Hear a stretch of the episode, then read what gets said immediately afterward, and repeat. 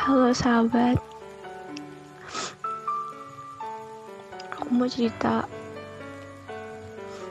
Setelah nangis Sampai sembab Hidung bengkak Suara jadi agak Gimana gini. Um, Aku merasa Setelah nangis ini lega banget. Dan ngerasa bodoh sih sebenarnya ngapain juga aku harus nangis gara-gara orang yang gak tahu diri kayak dia? Seharusnya kan aku bersyukur Tuhan misahin aku sama dia. Supaya aku tahu dia gak tuh gak pantas buat aku